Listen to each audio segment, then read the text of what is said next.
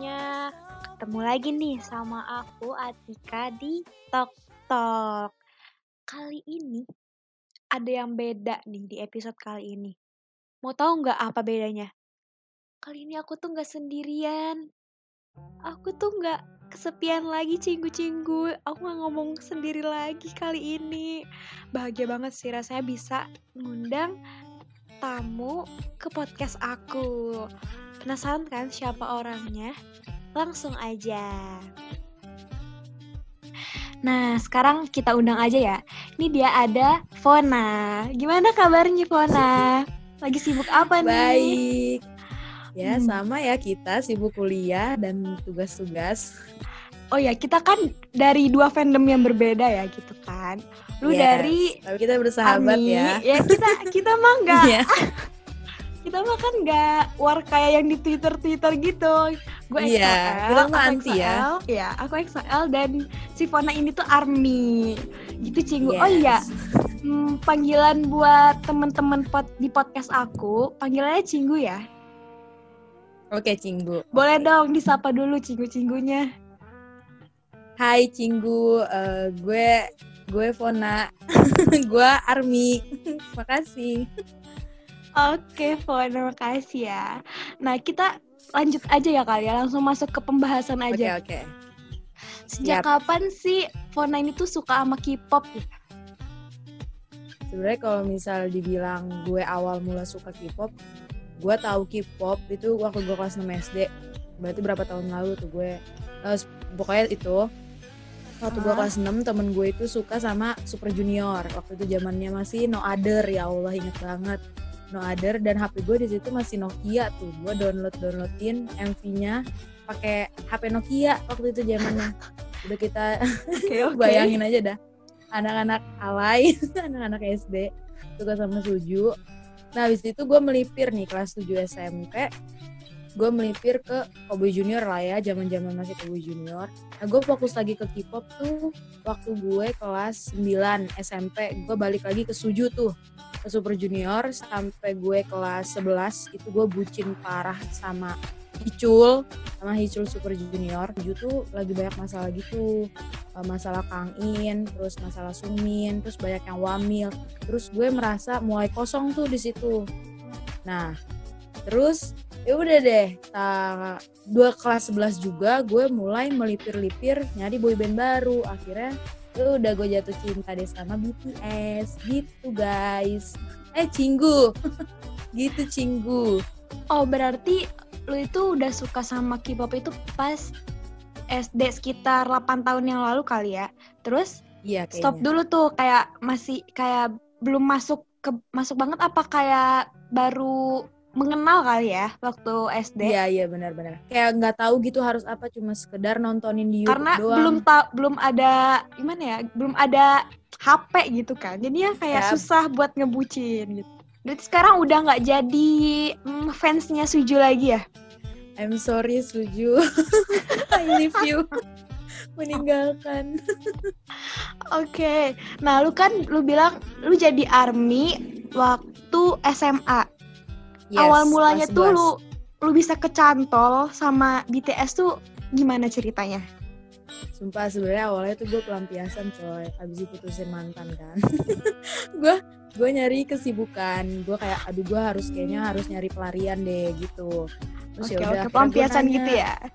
Iya pelampiasan biar gue tuh sibuk sama sesuatu kan. Akhirnya ya udah gue Ah. nanya ke temen gue, boyband apa sih yang sekarang energik banget kalau lagi nari. Nah temen gue tuh ngasih video, coba deh lu tonton BTS atau enggak lu nonton NCT waktu itu zamannya eh, zamannya Boss deh kalau nggak salah Boss. Nah terus BTS tuh zamannya Fire.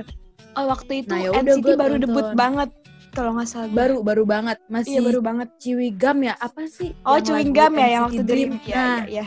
ya itu masih awal ba- awal-awal banget 2016 kan itu akhirnya tuh ya udah akhirnya gue nyari-nyari kan funny momentsnya nah gue juga nyoba jadi eh, nonton video-video EXO sumpah di situ posisinya gue posisinya Oke. di situ nonton video EXO tapi ya gimana ya emang udah mungkin kecantol sama BTS jadi gue gue nontonin funny moments dia pokoknya segala macam tentang BTS akhirnya ya udah gue menjadi army di tahun 2016 Nah, terus tuh nih yang ngeracunin lu buat jadi army tuh siapa sih? Terus kayak eh, kapan lu bilang kayak sama diri dulu tuh kayak fix gue nih jadi army sekarang gitu. Gue tuh sampai nginget tanggalnya asal lu tahu itu Demi tertera apa? second account gue gue menyatakan kalau gue itu menjadi army gue tuh jadi army itu tanggal maksudnya dalam diri gue sendiri ya gue netapin itu 8 Agustus 2016 itu gue kayak Oh, fix gue cinta mati sama lo oke, gitu. Nah, lanjut lagi ya. Hmm, oke ada nggak sih pengalaman keep selama lu jadi K-popers gitu yang menurut lu kayak paling berharga dan itu tuh kayak momen yang nggak bakal lu lupain gitu. kalau momen gue lebih ke hal konyol sih hal konyol yang gue lakuin Boleh ya diceritain? hal konyol yang gue yang gue lakuin demi me- melihat opa Oke. jadi waktu itu gue gue melaku eh, ke bandara buat ketemu doang tapi akhirnya gue nggak ketemu itu gue berangkat dari jam 4 sore dan di situ posisinya gue lagi saman gue kabur gue eh, naik mobil naik mobil eh grab ke bandara. Kan dari Tangerang ke bandara nggak terlalu jauh ya Mm-mm. Terus itu gue nyampe ke bandara setengah enaman, gue nunggu tuh. Dan gue udah seneng banget pas ada uh, pemberitahuannya di bandara itu. Ada dari bandara Incheon ke uh, ini Jakarta kan. Gue eh ke Oke. Jakarta, gue udah seneng banget tuh. Seneng Berarti banget bener ya. dong, uh, Eh, berarti bener dong dia turun di sini gitu. Kemungkinan besar gue bakal ketemu gitu.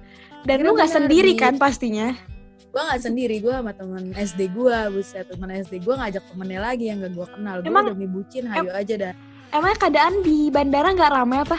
Maksudnya tuh kayak Beh, fans-fans gitu. Nah kira gue juga nggak ada kan. Terus pas gue lihat, nengoklah gue ke sebelah kanan. Wah itu army udah lumayan tuh, udah ada tiga baris kan, tiga Wow. baris gitu duduk. Hmm. Ya udah tuh. Ya udah gue langsung buru-buru. Oh berarti bener nih, dia bakal keluar di sini. Gue udah seneng parah. Gue nunggu dari jam setengah enam sampai jam setengah sembilan. Soalnya dibilangnya BTS tuh bakal keluar setengah sembilan malam. Nah itu tuh udah nggak kondusif sama sekali, parah. Ada yang desek-desekan. Gue yang dari urutan ketiga, gue jadi urutan kelima dari dari depan. Pokoknya tuh bener-bener kedorong-dorong segala macem. Dan lu Terus itu nunggu sembilan. sampai jam 9. Dan itu gue posisinya jongkok coy, kagak duduk. Lu bayangin Astaga. gak bisa duduk. Gak bisa duduk posisinya. Gila gak tuh? Bener-bener kayak, aduh gila. Itu parah banget sih hal jongkok terlama gue selama hidup deh kayaknya. Oke. Lanjut lanjut. Terus habis itu, habis itu bener tuh setengah sembilan, eh setengah sembilan lewatan kok nggak ada info. Nah terus ada nih kayak yang ngatur-ngatur gitu, kayaknya fanbase gitu, gue nggak ngerti ya. Dia tuh kayak sedih gitu mukanya, gue udah lihat sebenarnya. Terus dia gerak-geriknya ngomong BTS nggak lewat sini, dia ngomong gitu. Terus gue positive thinking loh, nggak pasti BTS lewat sini tenang aja. Soalnya gue, gue kan di situ posisinya nggak tahu keadaan bandara ya, maksud gue gue nggak tahu harus ke mana ke mananya daripada gue kesasar udah gue ikutin aja di sini gitu. Akhir gue tuh mikir apa mau ke jalur VIP aja ya tapi gue nggak tahu di mana. Akhirnya ya udah gue percaya kan percayain diri enggak BTS lewat sini BTS lewat sini. Bener tuh maksudnya nggak lama dari situ bodyguard pada keluar. Ih gila gue seneng banget di situ. Maksudnya Baru bodyguardnya makin- aja udah seneng banget ya. iya iya kan Terus Kayak berarti kayak ada tanda-tanda gitu kan BTS-nya muncul. betul kan? Iya jadi gue kayak ih ini fix sih BTS lewat sini asli. Nah terus gak lama si bodyguardnya keluar terus ada sirine tuh sirine mobil kan lewat. Banyak banget tuh. Ah kata gue terus ada yang teriak kan BTS BTS BTS uh, udah itu di situ nggak kondusif sumpah gue kalau Pasti udah ya di banget deh. itu ada yang keinjek-injek coy di situ. Untung gue maksud gue gue masih kuat gitu di situ. Kalau enggak gue udah keinjek-injek di situ. Jadi gue bener-bener berdiri parah banget. gue ngejar gue ngejar tuh eh, mobil taunya bener BTS tuh nggak lewat. Terus gini bodyguardnya nenangin tenang tenang tenang. BTS bukan BTS itu bukan BTS kata dia gitu. Loh, Oke oke lanjut lanjut. kita baris baris baris lagi kan otomatis. Eh pas mobil itu lewat bodyguard itu pergi gitu aja tanpa kepastian. Jadi tuh yang lewat tadi tuh bener-bener BTS jadi tuh cara dia Berarti dia bohongin lu ya? Bo bohongin Iya, jadi gua bohongin semua semua. army jadi biar nggak biar nggak biar nggak berantakan atau kayak gimana kayak kejadian Oke. 2015 jadi BTS tuh pernah 2015 ke sini tapi dia nggak lewat jalur VIP jadinya dia jalur Rusuh ya? dia tuh nah rusuh dicubit-cubit segala macem nah Oh akhirnya my dari situ dari situ Hmm. kayaknya dia lewat jalur VIP ya namanya gue bodoh ya nggak ngerti terlalu polos kira gue iya iya aja dan akhirnya gue nggak ketemu Emang sih kalau sekarang tuh artis-artis Korea ataupun idol Korea tuh kalau misalnya ke Indonesia pasti lewat jalur VIP sih soalnya lebih aman dan emang sih kita sebagai fansnya jadi nggak bisa ketemu tapi itu demi keamanan si idolnya juga sih sebenarnya. Benar tapi benar benar.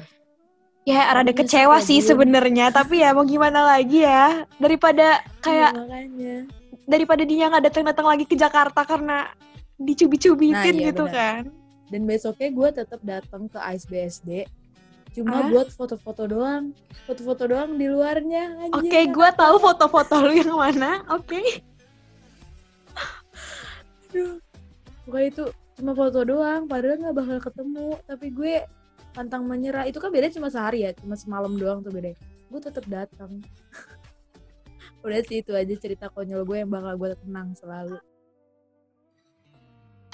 Oke, Cinggu. Nah, sekarang udah nih sharing-sharing soal BTS ataupun dunia perkipopan gimana awalnya si Fona bisa jatuh cinta sama dunia K-pop sampai pendapat dia soal orang-orang yang ngata-ngatain idol K-pop. Nah, sekarang aku punya games nih buat Fona. Jadi aku punya games nama itu games jawab cepat. Ini Aduh, soal bismillah ya. BTS ya, BTS kok. Oke. Bisa, semoga Ini semoga. gua punya 10 malu pertanyaan. kalau salah sumpah nih malu banget kalau gue salah dari 2016 masa nggak ada artinya nih gue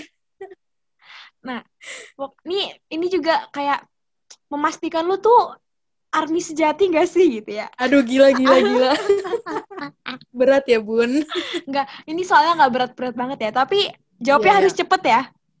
ya Bismillah Oke. Kita mulai ya. Satu, dua, Yap. tiga. Siapa bias lo? Taehyung Siapa bias uriker lo? Suga Lagu kesukaan lagu kesukaan lo di album BTS. Eh, gue sekarang lagi suka Live Goes On sama Fly to the Room Korea dance favorit lo? Eh ini Mic Drop MV terfavorit lo? MV terfavorit gue itu Airplane yang Japan Oke. Era terfavorit? era terfavorit era terfavorit nggak bisa milih era Harus terfavorit pilih. Satu, dua, Aduh, gila gila tiga. gue on deh on on Oke. Kapan ulang tahun Vi? ulang tahun V 30 Desember 1995 1995 Kapan BTS debut? 13 13 13 Juni 2002 2013 Oke. Kapan terakhir kali BTS konser di Indonesia? terakhir kali itu waktu gue bucin coy itu kapan gue nggak tahu dua tahun yang lalu waktu gue kelas 12 itu tahun 2018 berarti bulan April atau bulan apa gue lupa dah Oke. Atau Mei apa Maret Nggak apa, apa. Oke. Yang penting tahun inget. Siapa yang Iya, iya. dikasih julukan mother sama member BTS? Jin Oke. Jin Prok prok prok bener banget. Betul semua loh jawabannya. wow alhamdulillah Fix berarti si Fona ini tuh eh K-pop eh K-popers, army sejati ya cinggu-cinggu semuanya. semoga ya Ya. Nah, cinggu-cinggu, kita udah selesai nih sharing-sharing dengan Fona, seorang army gitu ya. Kayaknya waktunya udah cukup lama juga ya. Dan udah udah apa sih panas juga gak sih denger teli deng, eh, denger sharing-sharingan kita yang udah ngakak banget dari yang ngakak sampai yang menggebu-gebu banget ya. Aduh maaf maaf banget ya kalau misalnya telinga sampai panas gitu yang ngedengerinnya. Nah, makasih banget loh buat Fona yang udah mau jadi bintang tamu di podcast ini di Tok Tok. Makasih Sama-sama. banget. Lain Sama-sama. kali kita boleh dong sharing-sharing lagi ya soal boleh banget boleh BTS ataupun K-pop kayak gini. Iya, Makasih boleh banget, Fona. boleh. sama-sama Nah, cinggu-cinggu semuanya. Di episode kali ini kita dapat banyak pelajaran dan motivasi juga ya dari sharing-sharing tadi sama Fona. Salah satunya itu hmm, si Fona bilang kalau dia tuh terinspirasi ataupun termotivasi karena satu kat satu kata-kata dari Rapmon dari RM. Dia bilang kita tuh harus mencintai diri kita sendiri dan jangan insecure. Ya pokoknya tuh intinya tuh kalian harus cintain diri kalian sendiri sebelum mencintai orang lain intinya gitu ya nah cukup sekian dulu nih di uh, sharing-sharing kita di episode kali ini bisa lain kali tuh kita juga bisa sharing-sharing sama bintang tamu yang lainnya. Nah, sekian dulu nih podcast kita hari ini. Aku pamit undur diri ya. Annyeong, bye-bye. Makasih udah denger podcast aku.